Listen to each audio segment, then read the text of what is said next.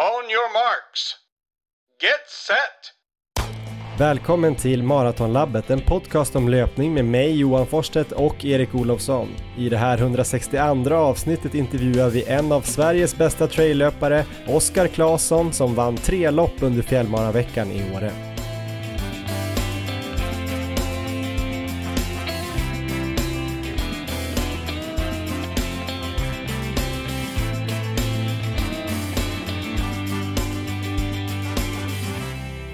Ni ska alltså vara varmt välkomna till det här 162 avsnittet av vår podcast Maratonlabbet. Jag heter Johan Forsstedt och med mig som vanligt finns Erik Olofsson. Hur är läget Erik? Det är strålande bra Johan. Jag är tillbaka i Uppsala efter en ganska lång semester känns det som. Ute och rest över halva Sverige i alla fall, så det är väldigt skönt att vara tillbaka hemma igen. Hur är läget själv? Ja men lite samma. Jag har varit hemma några dagar i Stockholm nu. Vi ska faktiskt iväg till eh, Gotland då på en sista liten semestersväng här onsdag till måndag.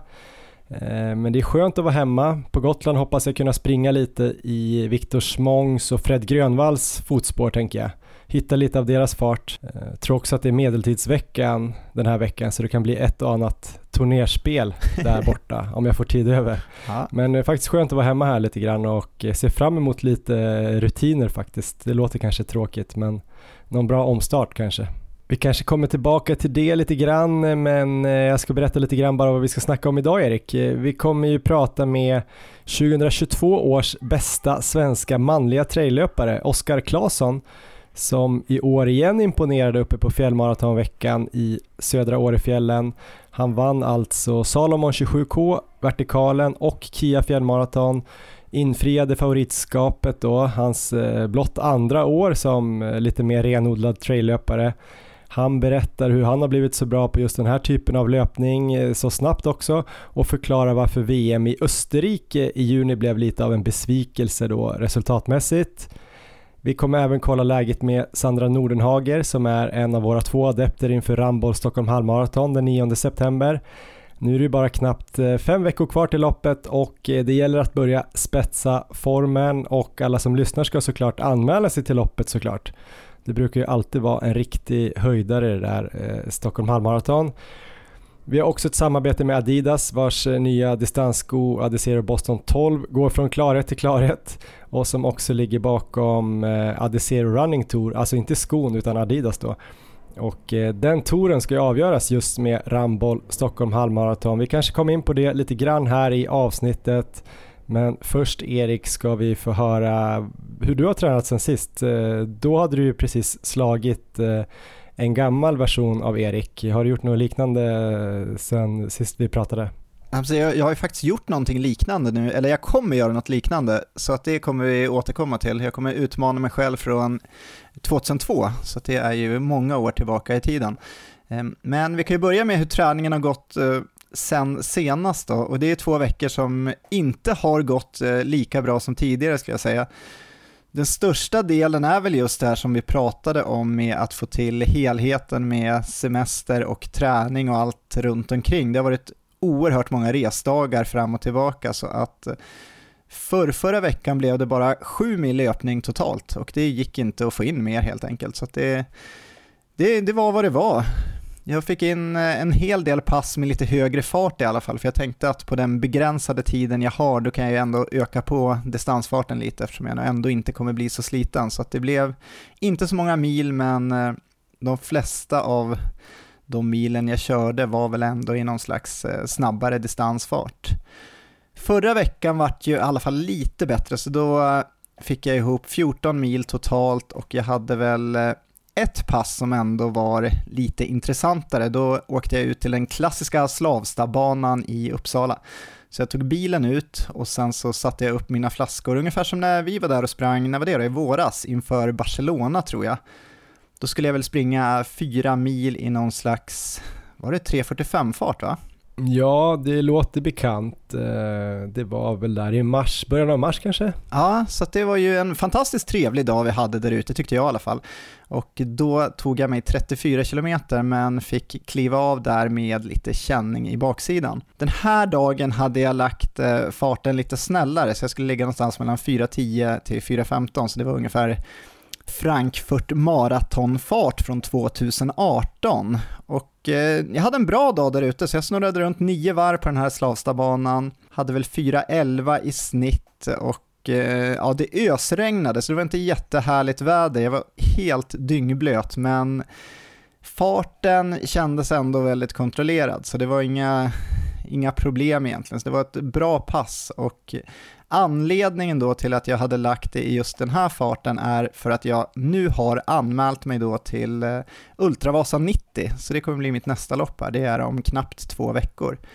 Och jag ville få in ett pass där jag ändå fick träna på någon slags tävlingsfart. Och jag tänker att där det är lättsprunget från Sälen till Mora så kan jag ju kanske lägga mig någonstans i den farten. Så kommer det vara andra partier där det kommer vara lite stökigare terräng eller lite uppförsbackar och sådär. Och där kommer jag tappa lite fart tänker jag. Men eh, någonstans där hoppas jag i alla fall kunna springa. Och det jag pratade om tidigare här, att jag skulle utmana mig själv, är ju då att jag ska försöka slå min tid som jag hade när jag åkte upp ett spår på skidor då, 2002, och det är alltså 6.45 vilket jag tror kommer bli ganska tufft att slå, för det är, ehm, på skidor är det inte, kanske inte jättebra, i alla fall inte om man har tränat mycket skidor inför och så, men eh, löpmässigt så känns det ändå ganska snabbt, så att jag tror att det kommer vara ett ganska tufft mål, men det känns väldigt kul och det blir ju någonstans väldigt så specifikt att försöka slå sig själv och just när man har tagit sig den sträckan förut. Så att jag ser fram emot det väldigt mycket. Det ska bli riktigt kul att komma till start. Det är väl den 19 augusti som loppet startar klockan 05.00 så det blir en tidig morgon. Angående tiden där och hur bra är den om du skulle springa på 6.44 eller bättre? Alltså vad springer Elo på? Vad är eh, banrekordet? Är det Jim Walmsley som har det eller Bud eller någon? Det är ju Bud som har det och det är ett riktigt bra rekord. Det är en bit under sex timmar. Jag kan inte tiden exakt i huvudet men förra året tror jag de vann på ungefär 6.20. Det var väl Viktor Stenqvist som vann då. Just det. Um, sen tror jag det var en fransman som heter Sebastian Steler kanske som vann året innan och det gick ju snabbare, då tror jag det var på kanske 6.07 eller något sånt där. Så det är ju, för mig då så känns det som ett ganska tufft mål med 6.45 för att egentligen, det känns ju konstigt att säga, men den här distansen blir ju lite kort för mig för att kunna hävda mig i alla fall mot de allra bästa. Jag kommer ju inte kunna slåss i toppen. Det är ett stenhårt startfält det här året också, så det kommer gå väldigt, väldigt snabbt där framme. Jag måste väl springa någonstans mellan 4.20 till 4.30 i snitt tror jag och eh, ja, jag hoppas väl ändå kunna ha möjlighet till det. De här partierna som är då lite mer, eh, jag vet inte om jag ska säga tekniska, men det är i alla fall lite stig och så. Hur ser de ut? Har du någon koll på, på banan? Ja, men jag har börjat kolla lite och det var ganska roligt för Pace on Earth-podden hade, de sprang igenom banan där för eh, någon vecka sedan och eh, la ut massor av händelser på sin Instagram, så då satt jag och följde det där så att jag fick se ungefär hur det såg ut. Och jag är lite, kanske lite orolig för hur underlaget kommer vara. Jag tänkte just fråga om det var något som avskräckte dig. Ja, jo men det, vissa partier ser jättehärliga ut. De sprang ju och eh, tyckte där att ja, men här är ett ganska tråkigt parti, det är bara grusväg nu, ganska långt parti och jag bara kände yes, det där, det där kommer bli riktigt roligt, riktigt härligt och sen kom jag ut på de här stökiga partierna där de blev väldigt glada men det jag kände att det där kommer det där kommer inte bli bra för mig, men eh, jag tänker det är inte lika stökigt som på Echo Trail och jag tog mig ändå igenom den banan. Det jag är kanske mest orolig för är att jag tror det kan vara ganska blött. Det är en del eh, myrar och sånt man ska springa över och det är klart att det är, de har lagt, vad heter det? Spänger. Spänger, tack Johan. Så eh, det är väl risk då att det har, kanske kommer så pass mycket vatten här nu. Vi får se, nu har ju stormen Hans dragit in här över Sverige också, så det kanske är helt under vatten där nu, så att jag hoppas det ska torka upp rejält, men annars så måste man väl kanske springa i trailskor och eh, det skulle jag gärna vilja undvika, men jag tror det är stor risk att man ändå kanske måste göra det skovalet. Så det är mycket att tänka på inför det här loppet känner jag. Men det kan ju vara bra för dig om det är riktigt mycket vatten, för du är ju bra på swimrun. Ja, det har jag gjort en gång och eh, överlevde, men bra är ju helt fel ord att använda, även om vi lärde oss lite efter vägen tycker jag. Eh, men eh, allt som allt så känns det ändå väldigt kul, ett så klassiskt lopp som Vasaloppet och att liksom få ta sig igenom det och dessutom få springa. Springa är ju det roligaste, så det måste vara det absolut roligaste sättet att ta sig den där sträckan. Säger jag på förhand i alla fall. Jag kanske kommer tycka något helt annat när jag är där på plats, men um, riktigt eh, rolig upplevelse ska det bli och uh, fantastiska startfält både på herr och damsidan här på uh, 90, 92 kilometer eller vad man ska springa. Ja, det kommer nog gå väldigt snabbt. Sen tror jag de har dragit om banan lite till i år så att det är en tuffare start än tidigare, vilket gör att det här målet jag har på 6.45 kanske nu är egentligen utom räckhåll för att jag jämförde lite med vad andra har sprungit på tidigare och sådär och redan då kändes det väldigt tufft att springa det. Men nu är det ju ännu tuffare då när banan här troligen kommer vara ganska långsammare. Så jag gissar att Jonas Bud kommer få behålla det här rekordet han har i ganska många år framöver. Det är nog väldigt svårslaget nu. Mm, jag tror på det Erik, du gillar ju smala mål också och ibland så sitter de. Ja, ibland så händer det och eh, vi får hoppas på det. Men eh, du har ju redan sprungit ett lopp Johan och det var uppe i Jämtlandsfjällen. Får vi höra en race report idag kanske?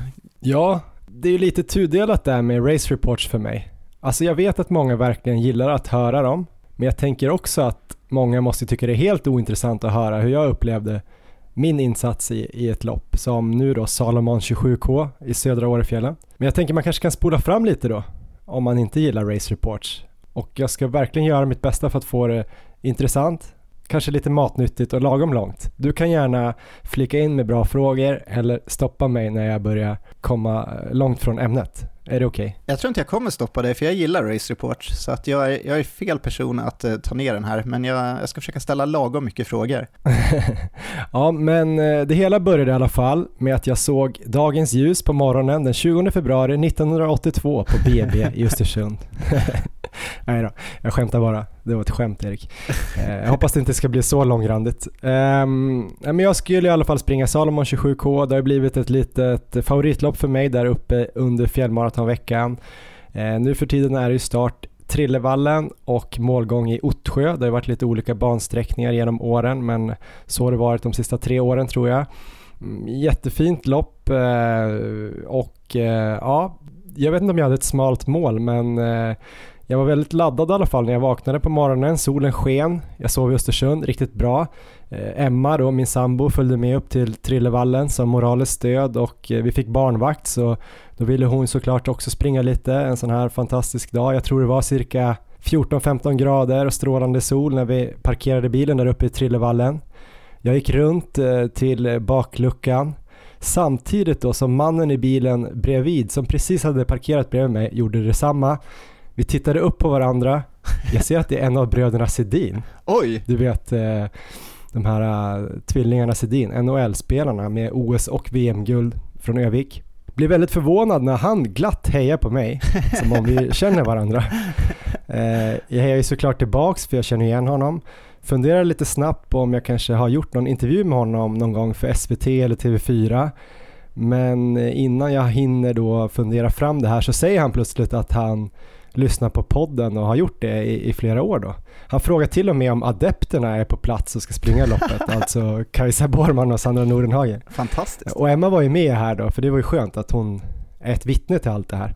Så att det är inte som att jag har kokat, kokat ihop det här själv. Jag har haft koll på att bröderna Sedin har maratontränat eh, efter deras då extremt framgångsrika hockeykarriärer.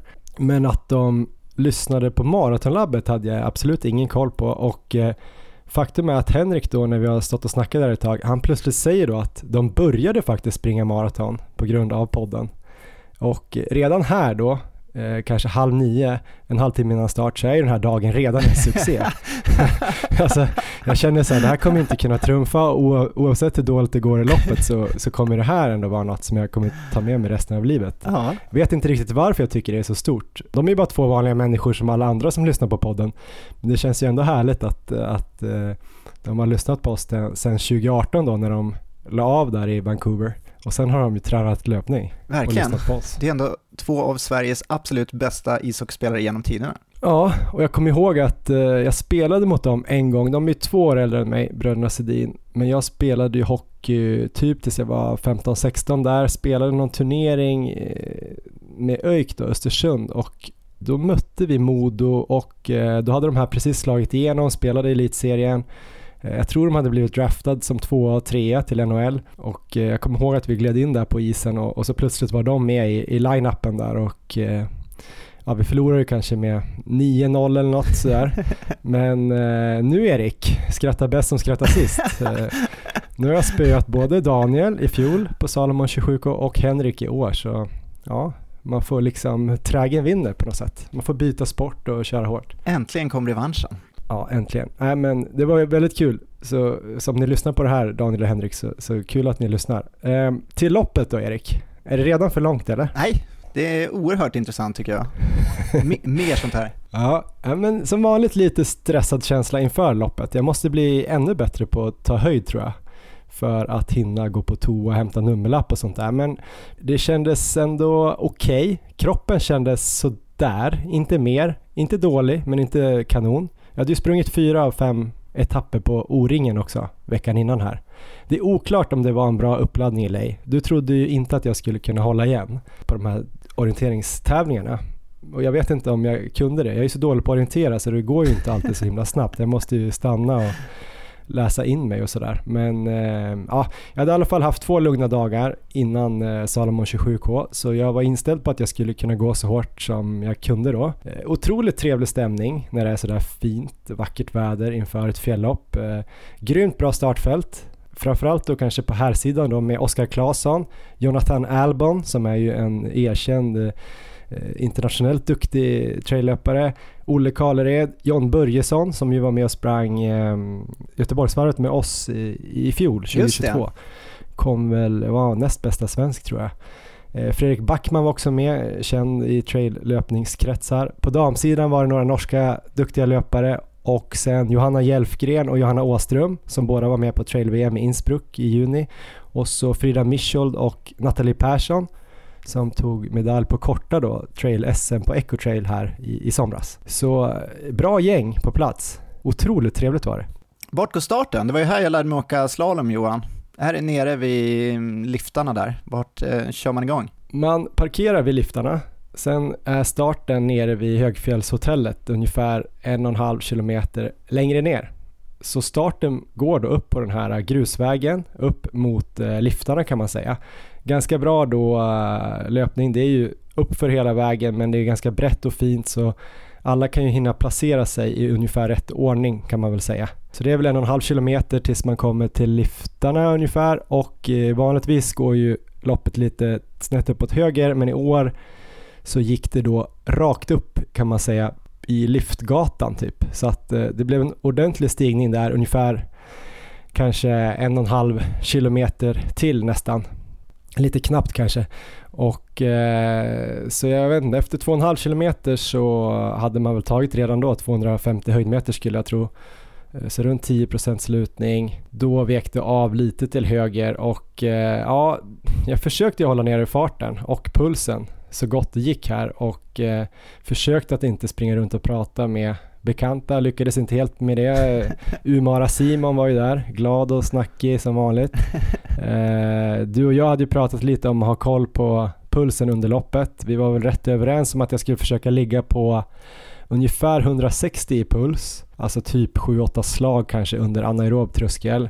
Och jag vet aldrig om vi riktigt kom fram till om jag skulle gå upp till det som max eller om jag skulle hålla det i snitt. Jag tror jag tänkte att inte gå över 160 i början. Men det var riktigt svårt för när det blev så här brant på berget så även när jag gick så hade jag ju liksom 160 plus i puls liksom. Analysen som jag hade lite innan när jag kollade dina gamla lopp på Strava och så, just där det var kramp, var väl att när du under längre perioder kommer upp över 160, kanske uppe på 163, ungefär under en längre period. Det är ofta då krampen kommer, så det var väl lite det som var tanken där, att vi inte skulle komma upp över 160 i alla fall under en längre period, för tidigt i loppet. På slutet så hade du lite fria händer. Ja, men det är lite svårt också att kolla på historiken eftersom någon av dem där var ju handledspuls och sådär. Men, men jag tror ändå att det var rimligt där. Ja, det är väl nog, det är väl någonstans mittemellan aerob och anaerob tröskel ungefär och det kanske är rimligt på ett lopp som ska ta mig lite drygt två timmar. Så, men i alla fall uppe på toppen av Vellister som är det första berget, eh, då tryckte jag faktiskt av en mellantid där och då hade vi väl tagit, eh, jag tror kanske det var 375 höjdmeter och eh, 3,75 kilometer. Så ganska hård start måste man säga. Eh, snittpulsen där uppe såg jag sen var 161. Så redan där hade jag ju då gått lite hårdare än vad jag hade tänkt. Hade varit uppe i 169 som högst. Men det kändes eh, lite mer kontrollerat än i fjol så jag var ändå rätt nöjd. Jag hade väl eh, plats 61 i loppet då när det vände neråt. Eh, hittade en fin rytm nerför berget då.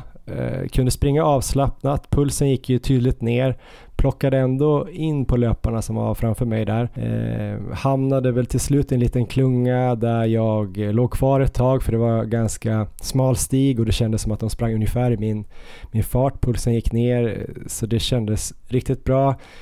Innan det började stiga igen till nästa topp så var det en vätskestation där alla de här i klungan stannade. Så då sprang jag bara ifrån dem för jag tog ingen vätska där. Jag hade ju med mig en löpväst då med två halvliters flaskor eh, Mårten 320 i sig, normalt eh, blandat, så 80 gram kolhydrat i varje flaska och det var egentligen hela min energiplan plus att jag då försökte få i mig eh, salttabletter, två stycken i timmen och hade även sån här BCAA med mig och det. tog det innan start också och hade också 300 milligram koffein innan start. Så det var min hela energiplan. Och så tänkte jag väl att jag kanske skulle kunna dricka lite extra vätska då eftersom det var ganska varmt. Eh, det gick väl inte så jättebra i och för sig. Så jag fick väl i mig en liter vätska och ja, 160 gram kolhydrat då på, på tiden jag var ute. Så jag tror det var rimligt. Sprang ju då med ett kilo extra i vikt från start men jag tror att jag tjänade in den tiden genom att inte behöva stanna då på stationerna. Optimalt då hade väl kanske varit att ha en flaska och sen haft någon som man fick, alltså, som kunde langa en flaska på stationerna. För man fick ju ha hjälp där, lite samma som Ecotrail när vi sprang där. Andra fjället Erik, ja. det heter ju Grofjället. Upp dit är det inte lika brant men det är ju väldigt så mjukt, blött och sekt kan man väl säga. Det är liksom som en lång slakmota på myrmark kan man säga i ungefär två och en halv kilometer kanske. Så segt, sugande, rätt trist har jag skrivit här. Eh, otroligt fint dock åt alla håll så jag försökte tänka på upplevelsen. Här var jag väl i princip eh, själv hela vägen, försökte hålla pulsen under 160 och gick väl någonstans när jag började komma över. Eh, så där var det ändå rätt kontrollerat, mycket mer kontrollerat än i fjol när jag försökte haka på en klunga här och var nästan helt knäckt när jag kom upp. På toppen från Grofjället så springer man ju utför då ner mot något som heter Tobaksdalen Eh, kanske den finaste delen av det här loppet. Eh, utför ganska lättlöpt, inte jättetekniskt. Eh, det är mjukt på sidorna om man skulle ramla och man ser liksom fjäll överallt, eh, Ottsjön, Ottfjället och över till Norge. Så det, det, är otroligt vackert här tar väl in lite grann på folk framför mig tror jag när jag plötsligt då blir totalt krossad av en kille i blåa kläder som oh. bara susar förbi, eh, kanske inte dubbel hastighet men i alla fall typ 30% snabbare. Lite märkligt eftersom de flesta andra höll ju samma fart som mig eller något långsammare. Eh, återkommer till det. Och det här var alltså nerför? Ja, det här var nerför. Han kom liksom utanför stigen i, i någon ja, superhastighet. Och då är du, skulle jag i alla fall säga, nu jämför jag kanske med mig själv och jag är extremt långsam utför, men du är ganska snabb utför. Så det är ändå, skulle jag gissa, ett av dina bästa partier där. Ja, kanske. Och jag låg ändå runt 50 eh, här. Jag hade tagit 10 placeringar från eh, toppen på Välliste. Så eh, det kändes ju som att det var märkligt att det var någon som var så otroligt snabb som låg ungefär vid den placeringen. Jag har lite frågor här som jag kastar in här. Jag tänkte börja med, under ett sånt här lopp när det, låter lite halt och elak terräng. Eh, drar du några vurpor eller håller du på benen hela tiden? Och eh, den andra frågan är väl lite relaterad. Vilka skor väljer du för att inte ramla och för att ändå hålla en bra fart på ett sånt här lopp? På fråga ja, ett så drog jag en vurpa som jag kommer ihåg. Den kommer vi återkomma till. Okay. Och på fråga nummer två så är det lite lurigt på det här loppet just eftersom eh, det var ganska torrt och fint uppför Eh, och liksom på de högre, vad ska man säga, delarna. Men det var ju väldigt blött där på myren och eh, på vissa ställen är det ju verkligen bara lervälling. Så där får man väl tänka om man vill ha eh, liksom lite större dubbar som kanske passar bättre i lera men som kanske är lite jobbigare att springa där det är eh, lite eh, kanske hårdare terräng. Det kommer ju ändå lite delar på slutet av loppet där det är lite mer grusvägsaktigt samt i början där. En del spänger. Jag har sprungit det här loppet tror jag någon gång med med spikdubb också, alltså typ orienteringsskor för att verkligen få bra fäste och sådär och de brukar ju ofta vara ganska bra i lera också så att det är lite lurigt. Nu sprang jag med en sko med, eh, ja, med bara gummidobb, jag tror 4-5 millimeter. Tänkte även att jag skulle få lite eh, bättre fart utför med de skorna.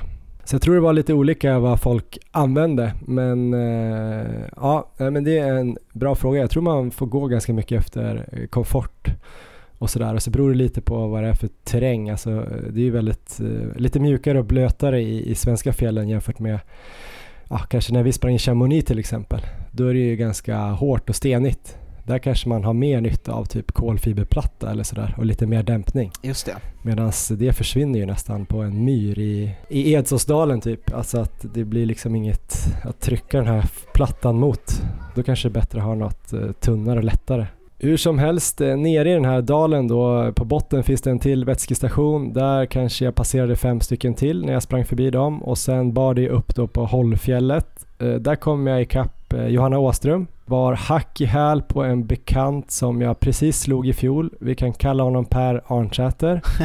jag kom även ikapp den här killen i blått som blåste om mig ut för Grovfjället där. Och det visade sig då vara årets, eller förra årets trea i loppet. Ulf Forset Indgård, alltså inte Ulf Forstedt Indgård, men eh, han hade tydligen dåliga ben. Jag snackade lite med honom då i uppförsbacken. Han hade sprungit några ultralopp några veckor tidigare, tog det väl lugnt uppför men eh, förhoppningsvis då tryckte han på utför för det var tråkigt om det där var hans lugna fart utför. Då är man ju riktigt, riktigt eh, långt efter. Ja, men eh, trevlig fyr. Här känner jag mig rätt trött i låren Erik. Lova mig själv då att göra 77 000 Bulgarian split squats till nästa års Salomon 27K. Ja. Men eh, jag är väl ungefär jämnlångsam med de andra runt omkring mig. Kanske plockar någon placering till.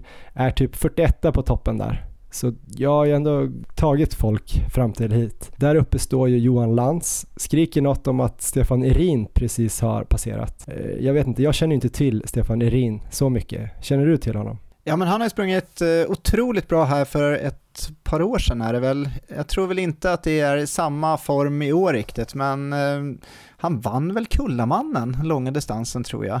Jaha. Och har ju pre presterat uh, otroligt bra i Europa också, så att det är ju en riktigt duktig löpare. Han springer väl med Ockelbo-maffian där. Ja, han hänger med dem och jag vet att han tränar en hel del med Elov och även med Karro Wikström när hon bodde i Gävle. Eh, trots att jag inte jag känner honom så känns det helt rimligt då att börja tävla med honom där. För här har vi i alla fall kommit upp på de eh, tre stora bergen. Tävla mot då Stefan Erin plötsligt och även då eh, den här killen som vi kan kalla för Per Arnsäter.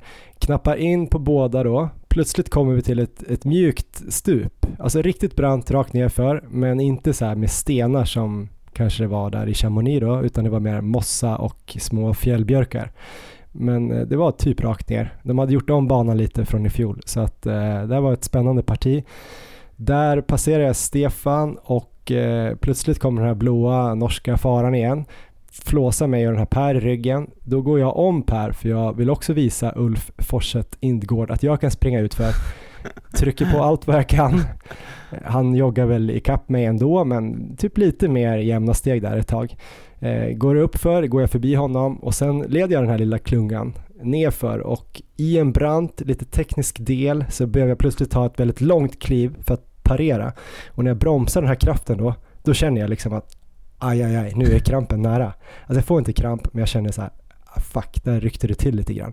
Det har ändå kommit längre än i fjol när jag fick kramp, för nu är jag ändå en bit på väg ner. Aha. Men det är fortfarande kanske så här 8 kilometer kvar eller någonting. Så att där börjar jag ju fundera lite redan där. Tjäna lite tid när jag springer förbi ännu nästa vätskestation då, har ju dricka kvar själv. Sen går det lite uppför därifrån och då känner jag, nej, äh, jag ser en kille längre fram, men jag, jag får istället slå av på takten i, i uppförsbackarna här framåt. Springa kontrollerat då på platta partier för att inte behöva stanna och stretcha. Bli kappsprungen av Per. som jagar den här killen framför mig. Han Ulf kommer också ikapp mig. Eh, jag lyckas hålla Stefan Herin bakom mig i alla fall. Och det var väldigt fint där uppe. Men jag kan liksom inte göra någon riktig satsning framåt utan det blir mer det här kontrollerande. Sen börjar det gå ut för då ner mot Ottsjö och målet då, sista 2-3 kilometerna och då kommer jag ikapp en kille som eh, har väl gått in lite i väggen, han småjoggar. Jag går om honom, men då kommer fallet och jag ramlar i en stor lerpöl. Alltså, jag, liksom glider ner där sakta och då slår krampen i höger baksida till i det här fallet. då. Så jag ligger och krampar lite i den här pölen, kommer ändå upp ganska snabbt och det är fort, fortfarande utför så jag försöker ändå liksom springa med krampen i baksida lår och jag brukar ju aldrig lyckas med det och eh, inte den här dagen heller riktigt. Eh, så jag får väl se mig omsprungen av den här killen som hade gått in i väggen. Stannar till slut och stretchar ut den här eh, baksidan ordentligt. Lyckas väl efter det ändå ta mig i mål ganska hyfsat, springer om den här killen igen men lyckas inte få tag på den här killen då, som vi kan kalla för Per. Vad hade du kvar då i kilometer från leran och in i mål? Därifrån tror jag det var eh, ungefär tre kilometer men jag skulle säga att det nästan bara var utför. Man springer ju hela vägen ner till eh, Ottsjön då, alltså vattnet och där vänder man upp igen så sista, oh, nu vet jag inte, vad kan det vara, 500-600 meterna eller kanske lite mer kanske en kilometer till och med uppför på slutet. Så det är ganska grym målgång. Man tror ju nästan att man är klar. Man springer i princip förbi målet Eh, och sen vände man upp. Eh. Men där var det liksom lite för långt framåt och lite långt bakåt så jag behövde kanske inte pressa allt. Kommer in på 2.23.57 säger ju inte så mycket men det var 20 sekunder långsammare än fjolårets lopp men banan var lite annorlunda, drygt 500 meter längre enligt min klocka i alla fall. Så ungefär samma prestation. Eh, jag tror kanske jag var lite bättre formmässigt i fjol och kanske disponerade loppet lite bättre i år. Så att eh, lite plus minus noll men grymt fin och trevlig dag i alla fall på fjället och redan nu revanschsugen. Vilken härlig race report och jag tyckte det var, du såg väldigt glad ut när du gick i mål där, jag såg på Instagram målgången. Ja. Det såg ut som du, ja, trots fallet i leran var ganska nöjd. Ja, men fallet i leran var ju lite av ett plus förutom att krampen kom då. Men det är väl lite där man gillar att ramla i lera, eller hur Erik? Ja. Ja, jag hoppas jag inte tråkade ut alla bara. Men eh, så var det och vi kommer väl ta nya friska tag nästa år tänker jag. Spännande! Kan vi nu få en race report från varje etapp från O-ringen också när vi ändå är igång? Ja, kul. Det började ju i Trillevallen på söndagen. Nej.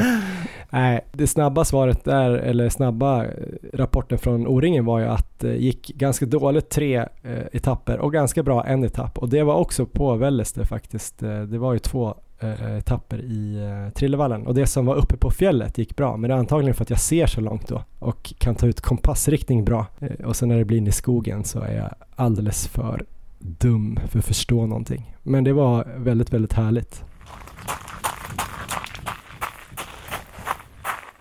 Ja, men innan vi går vidare då med Oskar Claesson snart och Erik ska vi berätta om några andra grejer. Dels så ska vi väl göra en push för vårt läger då till Vålådalen som vi har tänkt att ha 15 till 17 september. Kanske blir man inspirerad av den här race reporten. Man vill åka upp eh, till Jämtlandsfjällen och, och ramla lite i lera eller bara springa och se otroligt fina vyer. Eh, då ska man ju signa upp på det här eh, lägret som då alltså är 15 till 17 september. Sista anmälningsdag här tänker vi nu på fredag 11 augusti. Maila oss på maratonlabbet gmail.com eller skriv till oss på Instagram där vi heter maratonlabbet. Planen är alltså att åka upp med tåg från Stockholm fredag morgon den 15 Eh, jag tror det är 07.48. Vi kommer upp till Vålådalen under eftermiddagen, eh, sticker ut eh, nästan direkt på ett pass då på fjället. Det brukar ju vara Blanktjärnsrundan, otroligt fin. Insuper den rena klara luften, njuter av vyerna, lämnar storstadsstressen om man nu kommer från Stockholm eller annan stress från något annat ställe.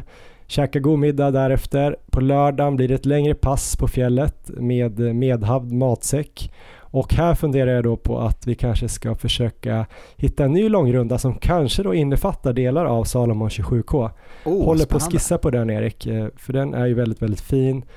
Eh, jag tänker att man kanske kan ta eh, en buss här då från Vålådalen till antingen Ottsjö eller Trillevallen och sen springa hem till Vålådalen över diverse fjäll. Jag tror det kan bli riktigt episkt. Eh, sen har vi då lördag eftermiddag kväll med, med badtunna middag, Stel Johans löpyoga, Eriks superföreläsning. Eh, och sen eh, har vi riktigt, riktigt trevligt, snackar mycket löpning. Söndag brukar betyda en liten workshop kring löpstyrka efter frukost och sen ett sista löppass. Och då har vi ju då kvar kanske pyramiderna eller liknande till söndagen om vi kör en annan långpass på, på lördagen. Så det blir grymt ju. Och eh, vi åker hem då från Undersåker vid 16-tiden tillbaka i Stockholm vid eh, halv elva, elva någon gång på, på söndagen. Så det blir mycket fjällöpning på kort tid. Eh, effektivt, roligt, eh, prisvärt. Eh, det är ju då 5795 för resa med tåg, transport till och från tåget där uppe, boende två nätter, all mat uppe i Vålådalen, träning, Super-Eriks föreläsning och så vidare. Det kommer bli helt otroligt ju. Ja, men det här är min typ av fjälllöpning, inte den här stressen som kanske sker på lopp, utan här kan man ju bara vara ute och njuta. Så att, eh, ja, det ska bli fantastiskt. Vi brukar ju också dela upp oss lite så gott det går då så att man behöver inte vara orolig att vi ska typ eh, springa max där, att, att liksom Erik kommer bara försvinna över något fjäll och springa 10 mil utan vi kommer springa lagom långt och eh, ganska långsamt. Erik, du brukar hålla i en, en rolig grupp som är den långsamma gruppen men nu när du har haft sådana fina trailframgångar här i sommar så kanske du kommer få eh, köra den tråkiga snabba gruppen och jag den roliga gruppen. Ja, den, den andra gruppen kallar vi för den oroliga gruppen. Den som är lite orolig och måste springa lite snabbare. Men jag kommer helt klart ligga lite längre bak med den roliga gruppen så kommer vi ha riktigt kul där bak. Ja, men gå in eh, och skriv till oss på, på maratonlabbet.gmail.com eller till oss på Instagram så hoppas jag att eh, vi kan ses här i september. Vi har också ett samarbete med Adidas Erik. Känns som jag tjatar lite nu, men det här sista skosläppet som de gjorde, alltså eh, den här Adizero Boston 12 som är väldigt versatil. Jag tycker den är superbra. Jag har sprungit med den hela semestern här nu. Eh, jag ser den som en distanssko, mycket mjukare än eh, tidigare Boston. I alla fall 10 och 11 då. Eh, men den här skon går ju också att använda till lite lättare tempopass och är perfekt om man har lite strides eller backsprints i slutet av ett distanspass känns pigga. Jag har ju bara haft med den alltså och ett par Adizero Adios Pro 3 på semestern då som vägskor. Eh, och skulle man bara ha två par vägskor så tycker jag inte att de här två paren skulle vara ett dåligt val. Nu frågar jag igen då Erik, har du fått tag i dina Boston 12 än? Äntligen har jag det Johan, nu är jag tillbaka i Uppsala och den har ju, ja den kom ju hit helt enkelt så jag har fått vänta hela sommaren. Men nu har jag varit ute och provat och eh, jag håller med dig helt. Eh, två pass har det väl blivit i den och ja, men det känns väldigt rapp och helt klart lite mjukare än tidigare versioner så det är min favoritversion av eh, Boston-modellerna. Så eh, första intrycket är mycket bra. Jag tycker alla ska testa den i alla fall. Om ni går in och tittar i någon butik, till exempel Löplabbet eller, eller någon annan butik. Men Löplabbet är ju att föredra. Liten snabb grej kring Adidas Erik. Jag tänkte också redan nu då fråga vem du tror kommer ta hem den här Adizero Running Tour. Det är ju den här tävlingen som Adidas lanserade i år för elitlöparna Eh, som innefattar då Adidas premiärmilen, premiärhalvan och Stockholm Marathon samt då Rumble Stockholm halvmarathon 9 september eh, hyfsade eller riktigt bra prispengar får man väl säga på svensk nivå, både i de enskilda loppen och i totalen. Just nu Erik på damsidan så leder Hanna Lindholm före Malin Starfelt och Mikaela Arvidsson. Hanna har 37 poäng, Malin 33 och eh, Mikaela 29 och varje lopp så får ju de 10 bästa poäng och det är väl 15 poäng till ettan, 13 till tvåan, kanske 11 till trean. Jag vet inte exakt poängstegen där men men, men vad tror du där? Det är bara de här tre som kan vinna tror jag. Ja, nej men eh, kommer då Hanna till start så eh, ser det väl helt klart ut som att hon kommer ta hem det. Hon hade ju någon 20-milsvecka här, läste jag på Instagram också, så hon tränar ju på riktigt bra just nu. Så det blir nog väldigt svårt att ta Hanna här i touren. Och där bakom så, eh, hur mycket skilde mellan Mikaela och Malin? Fyra poäng. Ja, men det är väl kanske det mest spännande då, vem som tar andra platsen där. För mm, ja, jag tror Mikaela har nog en bra chans att vara före Malin, så får vi se om vilka andra namn som dyker upp där också. Jag tror det kan bli ett ganska bra startfält här. här sidan då, touren. Diego Estrada vann ju både premiärmilen och premiärhalvan, sprang inte Stockholm Marathon, men leder touren då på, på sina 30 poäng före David Nilsson och Kristoffer Lås 28 respektive 27 poäng. Jag tror Axel Djurberg är efter där, men det är väl framförallt de här tre det står mellan. Kanske beror lite på vilka som kommer till start. Jag vet inte vad Diego gör i, i september, men han kanske vill eh, få loss lite pengar. Det är ändå 40 000 till eh, segraren i touren. Ja, kommer Diego till start så blir ju han omöjlig att slå tror jag. Det var ju så extremt imponerande att se honom där på premiärhalvan. Då vann han ju överlägset, han stack ifrån direkt och ledde hela vägen så att kommer han till start och är i normalt slag så finns det väl ingen som kan utmana honom. Nu ska vi prata med Oskar Claesson, eh, 27-åringen från Småland som slog igenom ordentligt inom trailvärlden i fjol då han vann massor av lopp, bland annat SM på kort trail och eh, Salomon 27 och fjällmaran. Innan 2022 hade han väl inte tävlat så mycket på trail men hade fina tider från landsväg och bana, låga 29 minuter på både 10 km och 10 000. I juni sprang han eh, trail-VM för Sverige och i förra veckan vann han alltså tre lopp uppe i Åre. Här är Oskar Claesson. On your marks.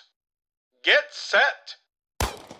Ja, men då har vi med oss Oskar Claesson här i Maratonlabbet. Eh, välkommen! Tackar, tackar. Kul att, få, kul att få vara med. Ja, du är ju maratonlöpare nu, även om du inte har gjort det på eh, landsväg, vad jag vet. Men du har gjort en hel del maror på fjället nu.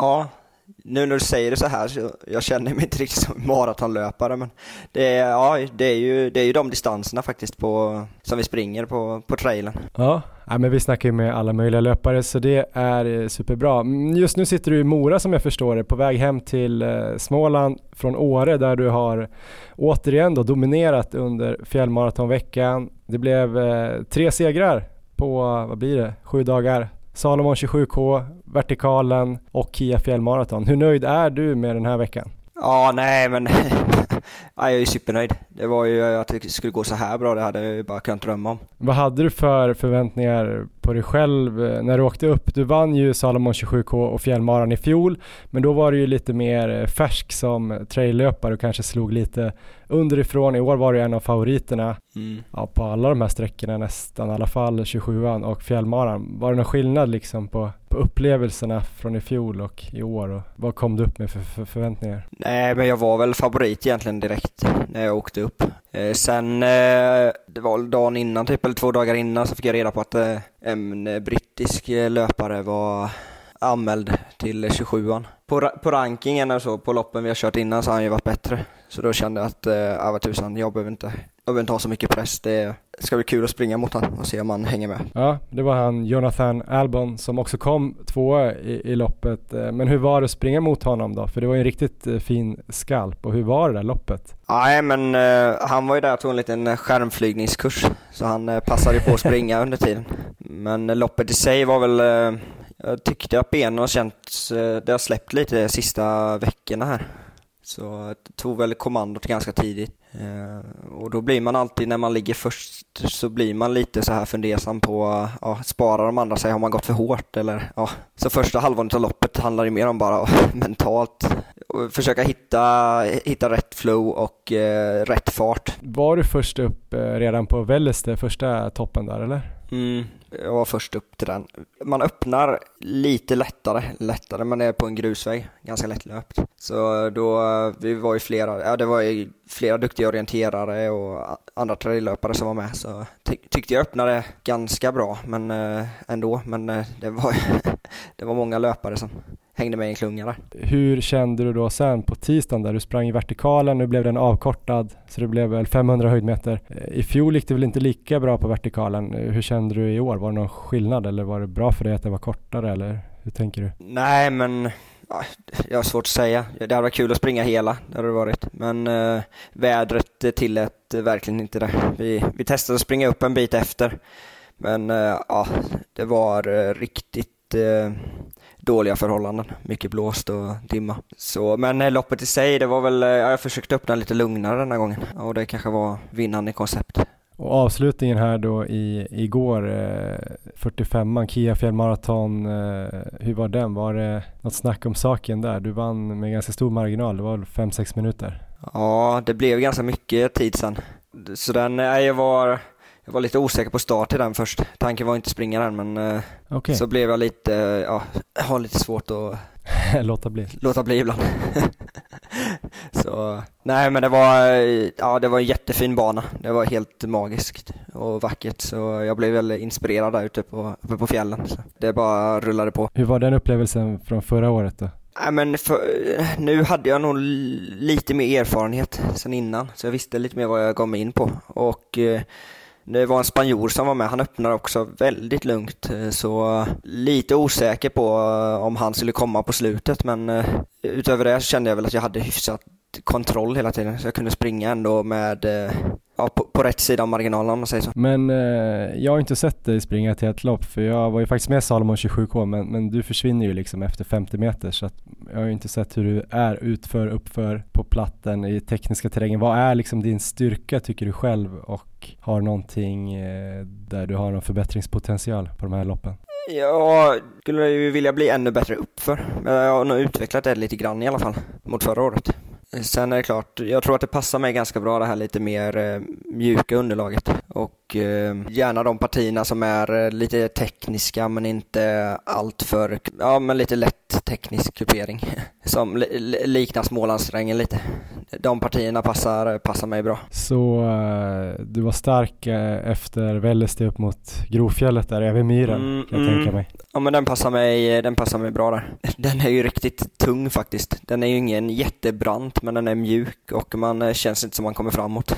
Och så lite små pucklar, lite som puckelpiss där mitt på tror jag. Ja. Men det kanske inte du märkte för du kanske flög över dem. Men, Nej men det är, de, de känner man av. men eh, jag känner att vi kanske måste ta det lite från början också. En liten bakgrund på dig också. För du slog ju igenom i fjol som traillöpare. Du är äldst av sju bröder. Bara det skulle vara värt en eh, intervju nästan. ja, nej vi är, vi är, vi är sju bröder är vi. Inga systrar? Nej, det, det, blev, det blev inga systrar. Nej, okej. Men aktiv som barn men sen eh, började du med längdskidor och orientering på högstadiet Ja. och gick skidgymnasium sen. Precis. Hur länge höll du på med skidor och höll du på liksom med löpning, orientering parallellt med det eller när gick du över liksom mer till löpning? För sen har du gjort jättefina ban och asfaltslöpningstider ju. Ja, nej men eh, jag har väl försökt kombinera det ganska, de går ju lite hand i hand. Så även nu så åker jag ju en del rullskidor och men satsar inte lika mycket på det va. Jag tävlar inte i det så. Just för traillöpningen tror jag det passar ganska bra att man får en eh, bra variation i träningen. Men eh, ja, det var ju satsade jag hårt under skidgymnasietiden på, på längdskidorna och men som sagt, det blev ju även mycket löpning. Det är ju nere, gick i Ulricehamn och sen öppnade vi även ett skidgymnasie i, eh, eller jag var med eh, mitt sista år i Gnosjö. Och där är ju inte, man är inte bortskämd med, med jättemycket snö direkt så, så det blir ju mycket barmarksträning med mycket löpning och stavgång. Men hur pass eh, lovande eller bra var du på längdskidor? Nej, men det, jag hade, har ju mer att ge på löpningen. Jag var väl ingen stjärna direkt. Men jag tycker det är kul och vi var många, många i Småland som eh, satsade och satsar fortfarande. Så vi har ju varit ett, eh, ja, men ett gött ett härligt gäng som har hängt ihop och det är nog det som har bidragit också till att eh, resultaten har, eh, ja, att jag fått de resultaten jag, jag har. Just det. Men sen så eh, satsade du lite mer på löpning ett tag och gjorde Mm. ju eh, 2020 var det det? Att du gjorde både 29-15 på 10 kilometer och 29-21 höga va, på 10 000. Ja, men jag tyckte jag hade ju något, ja det kanske var då, det var ju något år sedan här, som eh, jag fick med mig några bra tider på, eh, på bana och eh, asfalt. Ja, nu, nu springer ju alla, nu, nu är de tiderna inte mycket att skylta med för det. Eh, de springer oerhört fort, eh, de eh, är i toppen här i Sverige nu men, men eh, då så blev det väl lite, ja, fokusera lite mer på att få till eh, lite mer fart i benen. Men då höll du fortfarande på också att springa en del terräng och sådär i träningen eller Ja, var det ja. mer inför i fjol du började lägga in det ännu mer? Nej, men vi har ju, jag har försökt lägga, lägga en hel del träning på elljusspår och i terräng. Jag har lite mycket lätt att få skador och grejer, så as, asfalt har väl inte varit den bästa vän. Men visst var det det som gjorde att du kanske kom in lite mer i traillöpningen i fjol, just skadeproblem eller? Ja, äh, men jag hade lite mycket, mycket strul på våren och kände det att ja, ja, när man inte är i sitt livsform, det är så lätt att jämföra tider och så när man springer bana och asfalt. Eh, eh traillöpningen blir lite mer, eh, ja, eh, man springer lite mer, alla banor skiljer sig och man springer lite mer för upplevelsen. så det var väl på den vägen och sen har det gick det ju helt okej okay och då fick möjlighet att springa eh, flera lopp. Då. Men du vann ju en massa lopp direkt, eh, det gick ju mer än okej okay. och sen blev du framröstad som årets manliga traillöpare va, i Sverige? Ja, Din ja, första var... riktiga trailsäsong. Var du liksom förvånad över att du var så pass bra direkt eller hur hade du sett liksom på traillöpningen innan? Du visste ju att du hade riktigt bra PB på, på milen sådär men eh, var du förvånad över att du kunde hävda det så bra? Ja, men jag hade ju hoppats, eller hoppats, nej men jag, jag trodde ändå att jag skulle kunna hävda mig helt okej. Okay. Men eh, det var ju, ja jag hade ju inte räknat med att jag skulle gå och vinna de loppen där i början. Det hade jag inte gjort. Dina 29.15 då på 10 km, du, du är ju riktigt snabb. Eh, liksom, hur står sig den tiden mot andra bergslöpare eller traillöpare? Jag antar att du är snabbare än många av dem du möter på fjället. Har du nytta av det i de här loppen också? Ja men det, är, det är väl lite min styrka, speciellt när jag varit ute och sprungit lite i Europa så där blir det ju det blir lite annan löpning. Så man har ju lite fördel av att kunna gå lite lugnare. Ja, man har lite överkapacitet på de flacka partierna. Men eh, sen inser man ju det att de är, de är eh, riktigt grymma upp och ner. Yeah. Så det var lite utav en chock, men eh, där tänkte jag nog ändå att jag skulle hänga med lite bättre än vad jag, vad jag gjort. Men om man tar en sån som Petter då, Petter Engdahl, som du antar jag har tränat med någon gång, i alla fall tävlat mot och så. Han är ju också gammal skidåkare mm. och eh, han är säkert också jättebra på att springa 10 km flakt, jag vet inte. Men, men liksom om du mäter mot honom, är det liksom uppförsdelen som han trumfar dig på eller? Ja, nej men han eh, är eh, riktigt vass uppför. Och speciellt när det går riktigt tekniskt utför, då är han ju, han bara försvinner.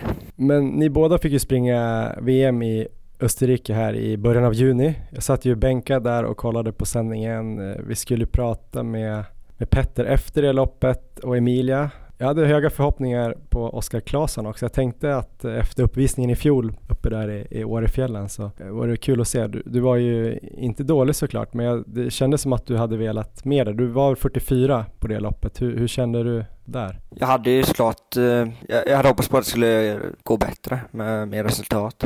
Jag hade kanske lite mycket, lite mycket strul under våren. Eh, lite skador, pollen och ja, grejer som, ja, jag, jag kände jag kom aldrig in i något eh, fick aldrig det här riktiga flowet och kände att jag, jag, det ska bli kul att springa liksom. Jag är bra, jag är bra slag utan jag kände bara, jag, jag försökte ändå när jag ställde mig på startlinjen att ge det en Eh, ärlig chans att köra på men eh, ja, det, var, det var tufft.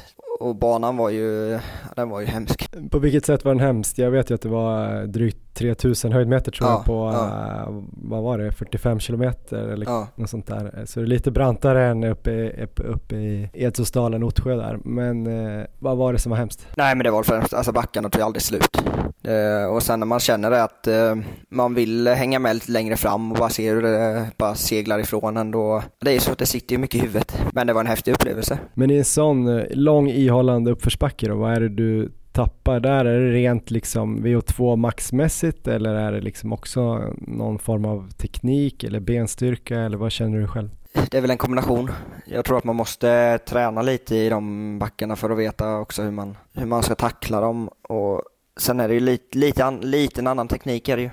Men ja, du, du, ska ju bara ta dig upp, det är ju, det är ju syra. Men eh, du bor ju som sagt i, i Gnosjö nu i mm, Småland. Mm, mm. Eh, ingen expert på, på geografin där, men jag har svårt att se de här jättelånga ihållande backarna. Hur får du in det i träningen och får du in det på något sätt? Det finns ju lite höjd med till exempel Lisaberg är ju en eh, Just populär det. skid där. Men det blir, man får springa lite upp och ner. Men man får inte i det här och bara ligga och trycka eller kör du någon typ av, kan du tänka dig att stå liksom på ett löpband med 10-15% slutning och mata? Jag gjorde det lite i vintras men uh, ja, jag vet inte, jag blev lite tyckte inte det gav eh, det som jag gav så mycket som jag hade hoppats på. På vilket sätt då? Ja, men när man har kört ett tag, säg, fått in några sådana pass och kört ett tag så vill man ju, man, man vill se att det även ger resultat på ja, när, när man springer ute. Jag kanske skulle gett det några, några veckor till så kanske det funkar. Men vet du om det är vanligt att eh, bergslöpare tränar så om man inte bor då precis Ja, ett berg jo. knuten? Jo, men det är, jag har kollat lite, man, eh, man följer lite folk på så här eh, sociala medier och liknande och det är många som använder sig utav, eh, utav löpband. Ja, nu här uppe så eh, var det en eh, Elinor, hon var från eh, Storbritannien. Så jag var faktiskt och hämtade, hämtade dem, hon och en eh, spanjoren där i, i Trondheim på flygplatsen. Så satt vi och pratade lite på vägen tillbaks. Men hon, hon körde mycket löpande och även med ordentlig lutning och körde väl med, med mask med för att efterlikna ja, eh, höghöjd. Next level. Ja, det, det, det går att göra allting till materialsport men Du då, hur ser din träning ut? Alltså när du känner att allting klaffar liksom. Hur mycket tränar du och vilka typer av pass? Och är det bara liksom i skogen nu eller har du fortfarande någon tanke på, på väg och, och bana och sådär? Men jag, jag försöker ju få in en del träning i, i skogen. Jag har haft något pass som har gått lite på, mm, typ på mm, eh, mosse också. Och jag vet inte, inte jättemånga pass, men man kanske får lite, när man springer uppe i Åre där det är lite mjukare så det, det, man har väl med sig det lite kanske att man känner att ja men det här har jag, det här har jag ju tränat lite på också. Eh, li, lite mentalt. Ja, då kör du någon typ av intervaller på mossen där. Ja, och eh, distanspass har vi gjort med. Så det, det är eh, ganska skonsamt. Men eh, sen försöker jag, jag hoppas att, jag hade velat, ja, om jag hade fått välja så hade jag velat få in lite mer fartträning. Jag tror det blir lätt att man hamnar i, att man blir lite för, eh, för långsam och seg om man bara springer eh, uppför och på allt för mjuka underlag. Men det har varit svårt på grund av känningar eller? Ja, lite så. Men om du skulle vara tvungen att, att coacha folk som vill springa bra på fjälllopp men som kanske bor i plattare områden och kanske springer mest sådana här vanliga motionslopp på, på grus eller asfalt. Vad skulle du liksom försöka få in i, i deras träning då? Jag skulle ändå försöka få in lite backe. Och eh, även eh, en del springer ju liksom backe och så tänker man, ja, ah, och så går man ner och sen springer man upp igen. Men man kanske ska tänka så att man springer både, istället för att stanna där uppe och gå ner så kanske man försöker eh, köra intervallen även ner. För att få den belastningen, för det blir lite annan belastning på framsidorna när man springer utför. Och så kör man vila när man väl kommit ner. Mm. Det skulle kunna vara en sån grej. Och, eh, men sen foten, eh, man sätter ju aldrig ner foten på samma ställe när man springer i skogen. Så försöka hitta något ställe där man kan i alla fall springa stig. Men jag, nu har jag ju orienterat lite så här innan så eh, jag kör ju något pass även obanat. Om man har den möjligheten att testa på det lite så eh, tror jag att det kan vara, det kan vara bra för just just bygga upp lite styrka i fot och Just det. Så lite obanat, lite mjuk mosse, lite backar upp och sen så också komma ihåg att springa ut för hårt. Lite även eh, bibehålla snabbhet på vanliga. Ja, det finns så mycket man vill få in men ja, Ja men det är bra alltså. det. Nu jävlar, nästa år då ska det gå snabbt. Ja, det är bra. Men eh, utförslöpningen där, jag tänkte bara för Petter när han var med här och snackade, då sa han någonting om att just Jonathan Album var ruskigt snabb utför. Märkte du av det någonting uppe i, i, på 27an där nu eller är det liksom för lätt utförslöpning? Det är lite för lätt utförslöpning. Eh, Det låter ju... för en del som kommer upp där så tycker de det är hemskt att springa ut för men jämfört med eh, bergsterräng i Europa och Alperna så eh, där det mer ligger stenrös typ, då, då, då är detta ganska, ganska skonsamt. Eller ganska lättlöpt. Ja, och det är också lite förlåtande om man Ja. skulle krascha för att det är Ja, ofta precis. Ganska mjukt på sidan av. Hur ser eh, resten av sommaren och, hösten ut?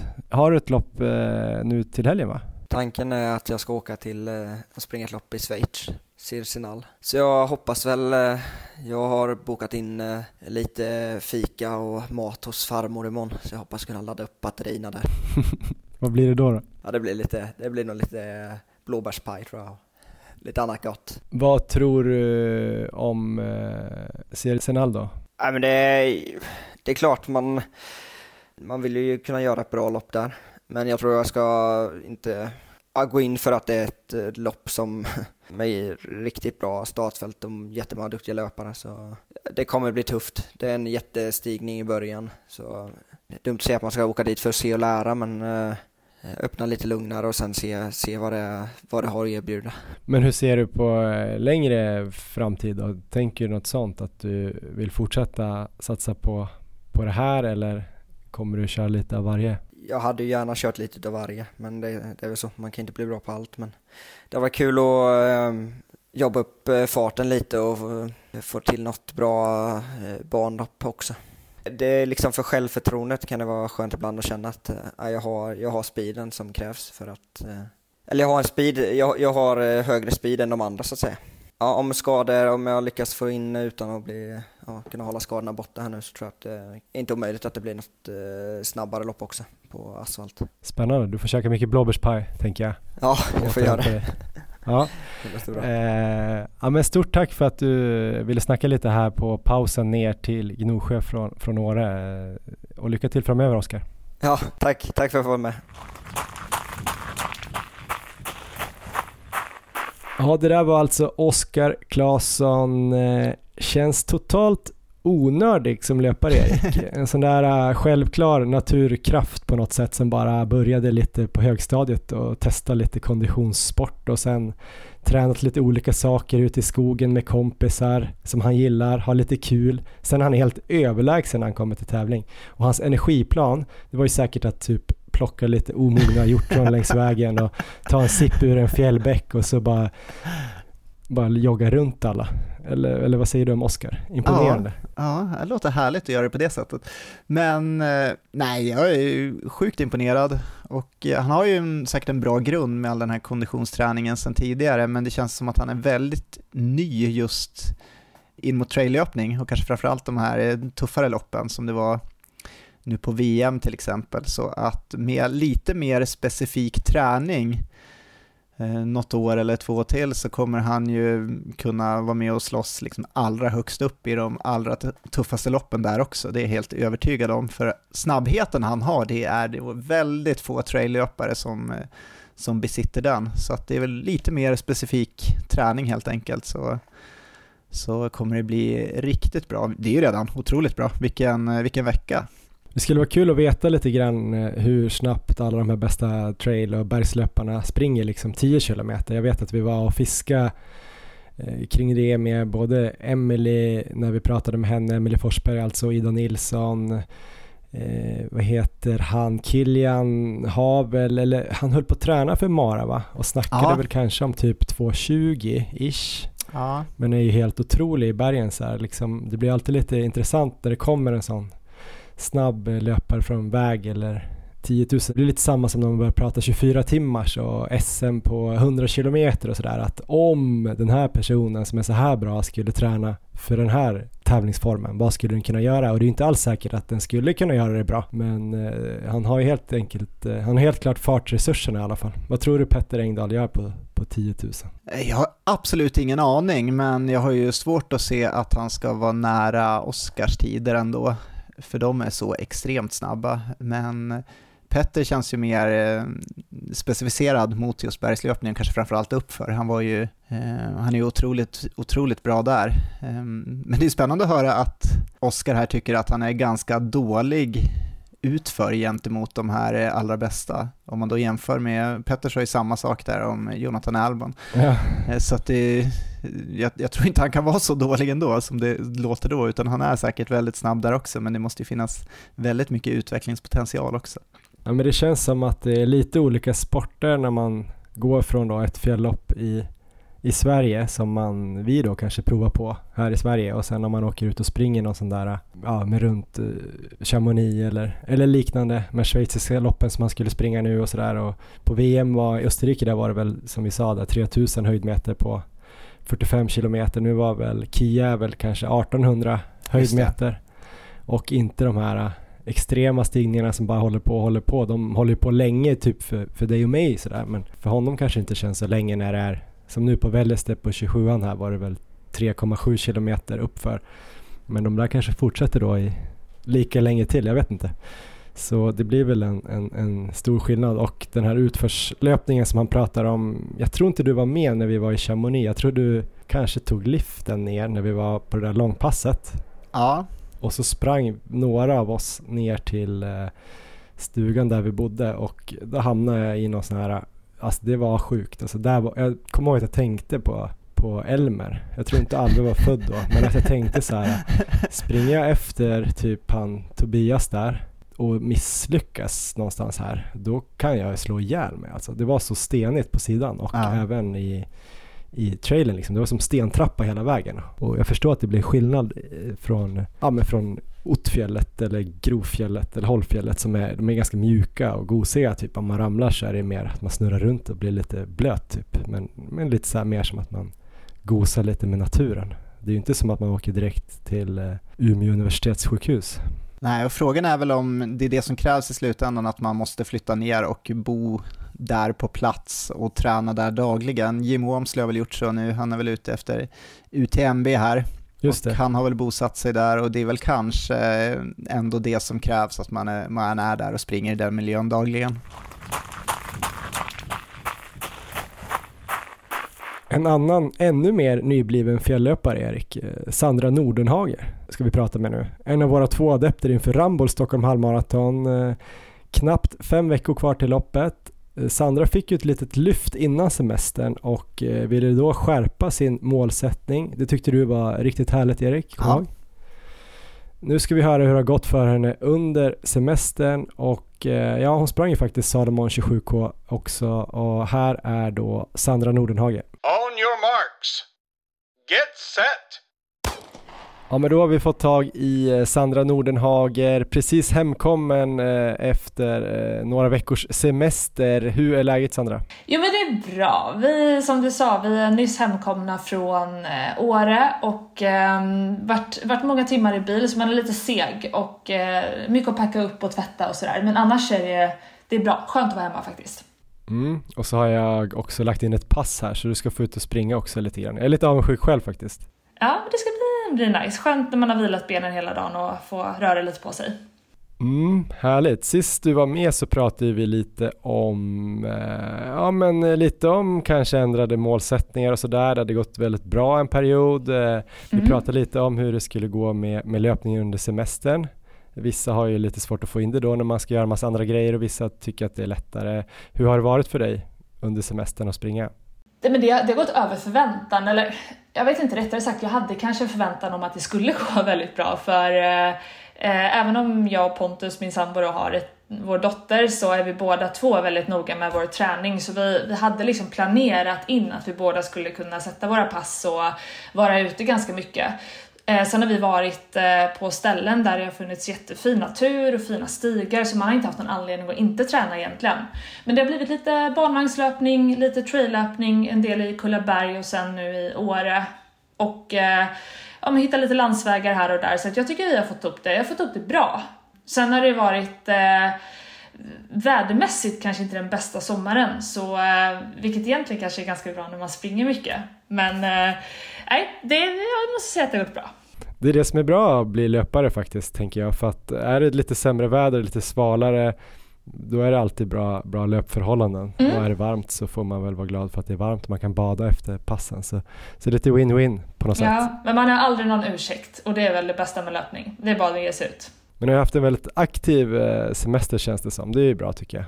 Ja, nej men så brukar det bli. Både jag och Pontus gillar att röra på oss. Så när vi går på semester så är det väl egentligen inte så mycket semester i form av att ligga still och läsa böcker utan mer var kan vi ta oss där vi kan röra oss så mycket som möjligt. Och eh, jag fick ju faktiskt träffa både Pontus och Lilly och, och dig en mm. sväng här i eh, förra lördagen var det ju uppe i Ja det var väl i Trillevallen vi sågs och sen så träffade jag ju dem där också, både Trillevallen och Ottsjö. Du sprang Salomon 27K. Yes. Hur var det? Det var en jättehäftig upplevelse. Det var mitt första trail-up någonsin och eh, jag har inte så mycket erfarenhet från trail överhuvudtaget så när jag anmälde mig till Salomon 27K så tänkte jag att det här är något jag har på min lista, nu gör jag det bara för det, känns, det kändes som ett bra år av någon anledning och eh, det, var, det var superkul men det var väldigt tufft och eh, ganska varmt mot vad, vad jag tror många hade tänkt att det skulle vara. Så det stickte på där uppe på fjället och benen fick jobba ordentligt i lera och mycket uppför, mycket nerför. Så jag hade, jag tyckte att det kändes bra de första åtta kilometrarna. Eh, tyckte jag flöt på och sen så fick jag kramp. Först över knät och sen spred sig krampen till eh, min eh, högra vad. Så mitt högerben var väldigt krampigt från 8 kilometer egentligen. Men eh, så här i efterhand så jag imponerad och eh, glad över att jag faktiskt lyckades hålla ihop det så pass bra att jag kunde springa i mål och eh, kom i mål med väldigt bra känsla. Hur tyckte du att eh, själva loppet var annars då? Så här, dels höjdmetermässigt men också tekniskt om du inte har varit så mm. van att springa trail? Men jag tror inte jag tyckte att banan var så jättefarlig egentligen. Det finns ju betydligt mer tekniska lopp. Det var en väldigt fin bana. Första fyra kilometrarna var det ju då hade jag någon känsla av, men vad håller jag på med? För då var det uppför i stort sett hela tiden och alla segades upp för det här berget. Så det, där fick jag väl lite känslan av att det här kan bli väldigt, väldigt tufft. Men sen när man väl kom upp där på toppen och flöt ner så var det ju ja men då fick man ju någon sån adrenalinkick i kroppen och bara kände att det här blir fantastiskt och man såg sjöarna och alla vyer i och med att det var så en klar dag. Så det var jätte, jättefint. Sen var det ganska mycket spänger på slutet så den banan var ju kanske inte så tekniskt svår men åtta, sista åtta kilometrarna var det lite mer tråkigt kanske eller det var mer pusha igenom spänger och alla myrar och sådär. Mm. Eh, men i och med att jag hade min krampkänning så kanske jag fokuserade ganska mycket på den den sista halvan åtminstone för det enda jag tänkte på i varje uppförsbacke eller varje stigning var men låt bara kroppen hålla nu för det var värst i uppför.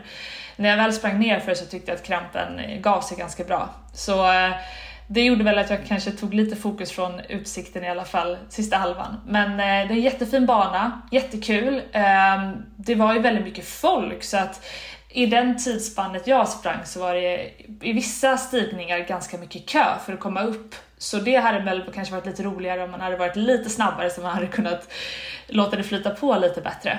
Nästa år Sandra kanske? Ja, nästa år. Nu var det ju verkligen första erfarenheten av trail-lopp så jag måste ändå säga att jag fick mer smak. Jag vill göra fler sådana här lopp. Härligt, eh, men inte innan eh, Ramboll Stockholm halvmaraton hoppas jag? Nej, nu är det full fokus dit. Men hur har kroppen känts eh, den här veckan då efteråt? Det har ju varit en lite lugnare vecka då för att ja, mm. du ska kunna komma igång ordentligt med halvmaraträning eh, veckan som kommer. Ja, men min, min sambo brukar skämta och säga att jag är övermänsklig när det kommer till återhämtning och det är väl kanske en av mina styrkor att min kropp är väldigt bra på att återhämta sig. Jag hade lite träningsverk i måndags och eh, tog det lugnt då, eh, men kunde ändå vara ute och promenera och sådär. Sen så på tisdagen så tyckte jag att min kropp kändes bra och på onsdagen när jag körde mitt första distanspass på, jag tror det var 6 kilometer, så kändes kroppen som vanligt igen. Så jag tycker inte att det varit så farligt återhämtningsmässigt. Men då är du redo att köra på här eh, ordentligt här från och med eh, imorgon då, eller på tisdag kanske? Mm, ja, men som jag sa till dig att eh, den här veckan var ju lite långsammare i och med återhämtning och det har varit mestadels distanspass som jag har kört och nu, nu är jag jätteredo att få lite mer att utmanas i och några pass som kanske kommer kännas lite mer än eh, de jag har sprungit den här veckan.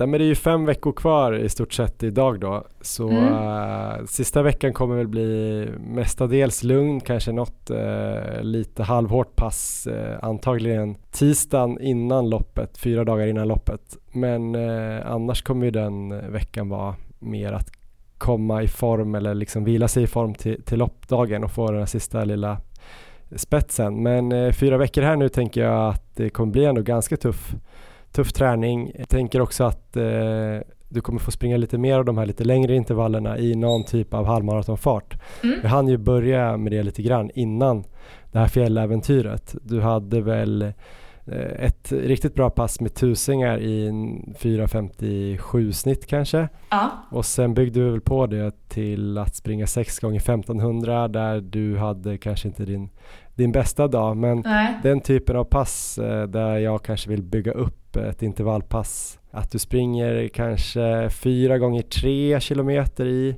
i, i någonstans där vi tror att din halvmaratonfart är i alla fall. Eh, runt tio dagar innan loppet kanske. Mm. Eh, kanske tre gånger fyra också. Vi får väl se vart vi landar. Men vi får väl testa lite där då om, om, du tror, om det kan bli så att du kan sikta på en 45 helt enkelt. Och då Mm. är det väl där någonstans 4.58 fart eller vad det är. Jag har inte det helt exakt i huvudet just nu men Jo men 4.58 är väl det jag har räknat ut att jag behöver hålla i snitt. Och det kan ju vara så att eh, det här passet eh, någon vecka eller kanske flera veckor kommer ersätta långpasset. Eh, Mm. För då får man ju också lite eh, utrymme att ha ett annat eh, kvalitetspass också i veckan som kanske kan vara lite snabbare eller ner mot 10 km fart för att liksom bibehålla snabbheten så att halvmaratonfarten ändå känns eh, hyfsat bekväm. Eh, Mm. För om du kör till exempel 4 gånger 3 km med, med någon form av eh, flytvila eller joggvila emellan eh, plus upp och ned jogg så kan det ju ändå bli upp mot eh, ja, 18-19 kilometer. Så det är ju nästan ett, ett bra långpass också så, så då kanske du inte behöver köra 20 lugna den, den veckan också för då blir det rätt mycket volym. Mm, ja men precis. Så, så tänker jag och eh, kanske att det blir några veckor här i början, i alla fall den veckan som kommer och veckan efter det, kanske även veckan efter det, att du kanske kommer ligga lite där någonstans där du har legat som högst, runt fem mil, eh, kanske lite mer någon vecka för att sen liksom lätta upp eh, slutet av veckan innan sista veckan så att säga. Det låter, eh, det låter bra. Det känns faktiskt jätte, jättekul att ha de här veckorna nu och bara fokusera helt på halvmaran och eh, se till att jag toppar formen nu. Jag har ju typ ställt in mig lite på klara 1.45. Även om jag inte skulle bli, jag skulle inte bli jätteledsen om jag inte gjorde det, men eh, jag skulle nog ändå känna att jag borde ha klarat det om jag inte gör det. Så, så som det är idag så vill jag nu verkligen köra full fart mot 1.45 och jag såg ju också att det kommer vara farthållare på 1.45. Så det känns ju tryggt för då tänker jag att jag ska bara flyga med dem och eh, ja, gå i mål på 1.45 helt enkelt. Du låter övertygad och det är ju halva grejen i alla fall. Så att eh, det låter väldigt positivt och det ska bli kul att se hur, hur du hanterar de här sista fem veckorna. Mm. Men sen en fråga där då, för det känns som att många kanske har de här som kör program mot eh, till exempel halvmaran nu eller som tränar strukturerat. Man kanske har några pass där det känns eh, jättebra och så kommer några pass där det känns jättedåligt eller där man känner att men då har jag inte alls formen. Och om de då kommer på de här väldigt specifika halvmarapassen, hur Säg att jag har två stycken sämre pass, bör jag se det som ett tecken på att jag inte kommer klara 1.45 eller vad, hur, hur ska man tänka där? Eh, har du ett sånt lite sämre pass på en sämre dag, vi kanske förstår varför det är en sämre dag, Mm. så behöver du inte vara orolig. Nej. Eh, har du eh, något pass där du typ nästan klarar det så får du väl tänka mer att du ändå får träningseffekten om du ligger i ungefär rätt intensitet. Sen är ju är lopp en annan grej så att ehm, men det är klart man vill ju bygga lite självförtroende och klara de här passen eh, för annars kanske det blir, blir jobbigt på loppdagen om man inte ens har satt liksom, intervallpass i den Ja. farten och så plötsligt ska man hålla 21,1 kilometer i, i en fart som, som man inte har klarat fyra gånger tre till exempel. Så, Mm. Men sen kommer du vara lite, lite nedtränad på de här passen också så att på loppdagen kommer du förhoppningsvis vara i ditt livs form. Så då kan det ju kännas eh, lättare till och med än de här intervallpassen ibland. Ja, Jag ska se till att vara i mitt livs bästa form den 9 september, helt klart.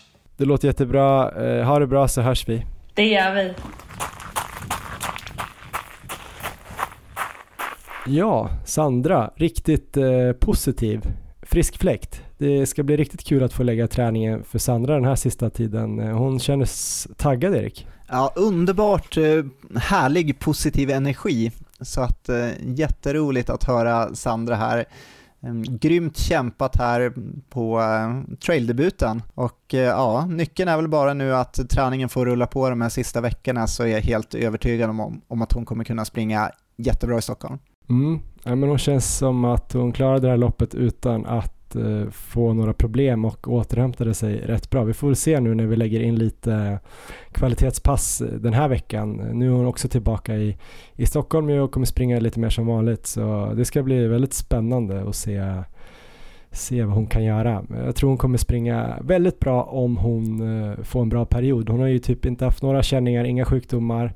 Eh, gått framåt hela tiden, bara missat något pass. Eh, förutom den här jinxen som jag gör nu så känns ju allt superbra. Så att eh, det kommer gå eh, riktigt bra.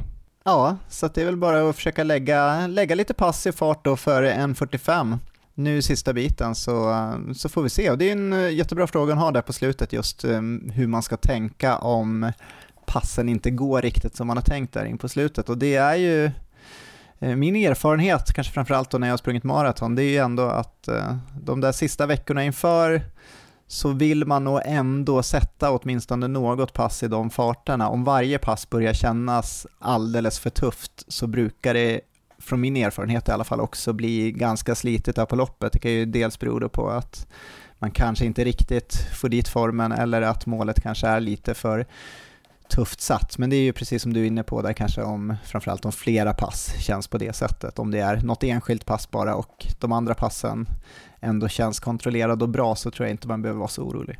Och viktigt är ju att komma ihåg att veckorna innan är typ träning och man ska inte heller spränga sig på de här passen inför för då är det möjligt att man toppar sig lite för tidigt också. Men eh, helt klart, man behöver sätta några av de här passen för att få eh, självförtroende om inte annat. Eh, men det tror jag hon kommer göra. Det blir eh, också intressant att se hur det kommer gå för Kajsa Borman då, vår andra adept. Eh, lite snabbt om henne Erik. Eh, hon har haft det lite mer problematiskt med, med träningen, fick ju en känning om det var vecka fyra i det här projektet i vristen. Ska väl inte vara någon jätteskada men det är såklart oroande att ha en, en känning. Har inte kunnat springa som vi hade tänkt sedan dess men har ju ändå varit ute och vandrat typ hela sommaren här. Sprang också Salomon 27K, tog det lugnt utför då och lite hårdare uppför när det inte var lika hög då vad ska man säga, kraft på, på benet. Eh, kändes väl som att hon hade haft eh, ja, inga känningar under Salomon 27K och då är man väl egentligen oskadad om man kan springa tre timmar på fjället Erik, eller vad säger du? Ja, vi var lite oroliga för det här innan och eh, nu kom ju Kajsa till start här så eh, det är ju det är skönt att det verkar ha gått bra. Har du fått några rapporter då efteråt hur det har känts efter loppet? Alltså hon har joggat en gång i veckan eh, som var, hon hade fått någon liten lätt känning igen, alltså en etta, tvåa liksom. Sen har hon varit ute och vandrat igen men jag, hon ska väl komma tillbaks också till Stockholm den här veckan nu. Och då får vi väl se när vi kommer tillbaks då lite i normal löpträning så att säga. Och där finns det väl tre vägar att gå. Jag kan ju fråga dig vad du tycker. Alltså, väg ett är väl bara liksom typ, äh, men vi släpper halvmaran det är bättre att du får bukt med den här känningen, att inte stressa någonting. Väg två är väl kanske att köra ett upplägg, fortfarande tänka att vi ska springa eller hon ska springa halvmaran men vi kanske lägger ett schema där hon kör kanske ett kvalitetspass i veckan, någon dist och sen kör alternativträning för att få upp lite volym. Eh, väg tre är ju bara så här, äh, men skit i den här känningen nu, eller skit och skit, men alltså om det ligger på en etta, tvåa, spring igenom, se vad som händer. Och där får hon ju nästan själv tror jag ta beslutet vad hon är villig att göra. Det kan ju inte du eller jag bestämma. Ja, nej men jag hoppas väl framförallt att eh, när de kommer tillbaka nu att det inte är några känningar alls. Så eh, det får vi hoppas på. Men är det då en liten känning så är det viktiga att det, se till att det inte blir värre. Att det är under kontroll, att det då är väldigt lite och kanske framförallt i kontakt med fysio också så att man vet eh, exakt eh, vad man kan göra och inte kan göra. Eh, men absolut inte ta några risker skulle jag säga så att eh, ja, kanske väg, väg två där kan funka bra så länge det inte så länge inte känningen förvärras och eh, funkar det bra så kanske man ändå kan gå in i eh, normalt tänkt upplägg. Men, eh, men det är en väldigt svår balansgång, det är verkligen ingen, ingen lätt fråga. Själv då Erik, eh, hur ser det ut för dig här framöver då? Ultravasan då, väldigt intressant start. Eh, gör du något specifikt eh, fram tills dess? Eller hur ser du på, på det? Ja, men det ska framförallt bli jätteroligt att springa. Jag är supertaggad på det här loppet. Jag har velat springa det i flera år men det har aldrig passat in riktigt. Förra året så hade jag EM i 24 timmar en månad efter och det kändes lite väl hårt att eh, lägga in loppet då. Så i år passar det bra och eh, ja, supertaggad på det. Jag har väl försökt nu tänka här på slutet att försöka springa mycket i tänkt tävlingsfart. Jag har inte kunnat träna lika mycket som jag har tänkt. Så att jag kommer inte in med någon bra uppladdning känner jag. Jag har absolut inte fått in den här volymen jag har velat, men jag har ändå fått in en hel del mil i någon slags tänkt eh, tävlingsfart. Så det hoppas jag ändå ska kunna hjälpa till här. Den här veckan blir det också ganska tufft att få in träningen då. Leon är hemma och eh, jag kommer kunna få in några pass men kanske inte som jag kommer kunna träna på senare. Så eh, ja, det blir väl lite likadant tror jag. Något kanske längre pass eh, i eh, tävlingsfart runt eh, 4.10 till 4.15 men inte lika långt som förra veckan när jag sprang 4 mil. Så idag var jag ute och sprang 21 kilometer innan vi spelade in och då sprang jag ungefär en mil av det i den här tänkta tävlingsfarten. Så eh, ja, det blir väl lite styrketräning också på det tänker jag den här veckan och sen så nästa vecka kanske jag lättar upp där de sista dagarna inför loppet men ändå tränar på ganska mycket ändå inför ehm, och sen så får vi se hur det går där. Det ska bli, ska bli spännande. Jag vet inte riktigt vad som väntar. Ehm, distansen har jag ju sprungit förut och sådär, men det här blir det lite, eh, lite annorlunda. Det känns som någon mellanting mellan att springa 100 km platt och eh, eco-trail där när vi sprang 8 mil. Här är det lite snällare trail, men det är ju ändå trail och det är ju den där distansen. Så ehm, ja, det ska, jag är väldigt taggad inför i alla fall så att det, det ska, bli, ska bli kul. Mm, det hade varit kul att se det. Är det någon som livesänder eller kan du lösa så att jag får komma upp och kolla? Ja, men jag tror de kör livesändning, de har gjort det senaste åren. Det är väldigt bra sändningar, det kan jag väl tipsa om alla som vill följa Ultravasan här. De brukar ha riktigt bra sändningar. Jag vet att Jonny Hellneby brukar sitta med som eh, kommentator där, så att han gör säkert det i år med. Jag vågar inte lova det, men han har gjort det de senaste åren i alla fall. Och de har eh, både cyklister och löpare med som följer både herr och damtäten där med eh, väldigt bra rapportering. Så att man kan nog gå in på Vasaloppets hemsida där så finns det säkert länkar. Eh, så det är, det är väl en av de absolut bästa sändningarna från svenska löplopp skulle jag säga. No pressure, Jonny. Men eh, själv då Johan, vad väntar framöver? Ja, alltså i min tävlingskalender så står det väl eh, Stockholm halvmaraton 9 september och så är det väl Lidingöloppet två veckor senare som jag har på agendan. Hade väl tänkt att avsluta det här eh, avsnittet lite eh, deppigt kanske. Men jag kommer nog inte göra det idag för det blir för långt och det är inget kul att ha depp nu när man har hört så här, Peppi Sandra Nordenhager, Peppi Erik Olofsson, Peppi Oskar Claesson. Men man vill ju inte ha en deppig Johan Forsstedt på slutet, eller? Nej. Vi sparar det kanske till nästa avsnitt. Det kan ju också vända. Jag känner mig inte så himla bra Erik. Det är väl det. Du får jättegärna säga nu att jag är bra som människa. Men jag är dålig löpare. Jag tycker du är både bra som människa och löpare Johan. Jag vet inte vart de här tankarna kommer ifrån riktigt. Nej, men jag har haft en period nu efter eh, Bålsta egentligen och jag vet inte vad det beror på. Om det beror på att jag har sovit lite för lite, att jag fick någon dipp där efter Bålsta när jag missade, att det var den här jobbiga ultratrail-satsningen jag gjorde eller att jag har för långt hår eller vad det kan vara. Kanske någon så här post-covid, något annat uh, obehagligt. Nej då, jag har inte ens haft covid. Jag skämtar bara. Men någonting är det ju. Det känns lite segt på många pass och nu har jag tränat lite för lite också här under semestern. Men jag ser fram emot att vända på den här steken i alla fall. Titta framåt, eh, få till lite bra träning, rolig träning, bra träning, lite styrka igen, hitta lite rutiner, sova lite bättre.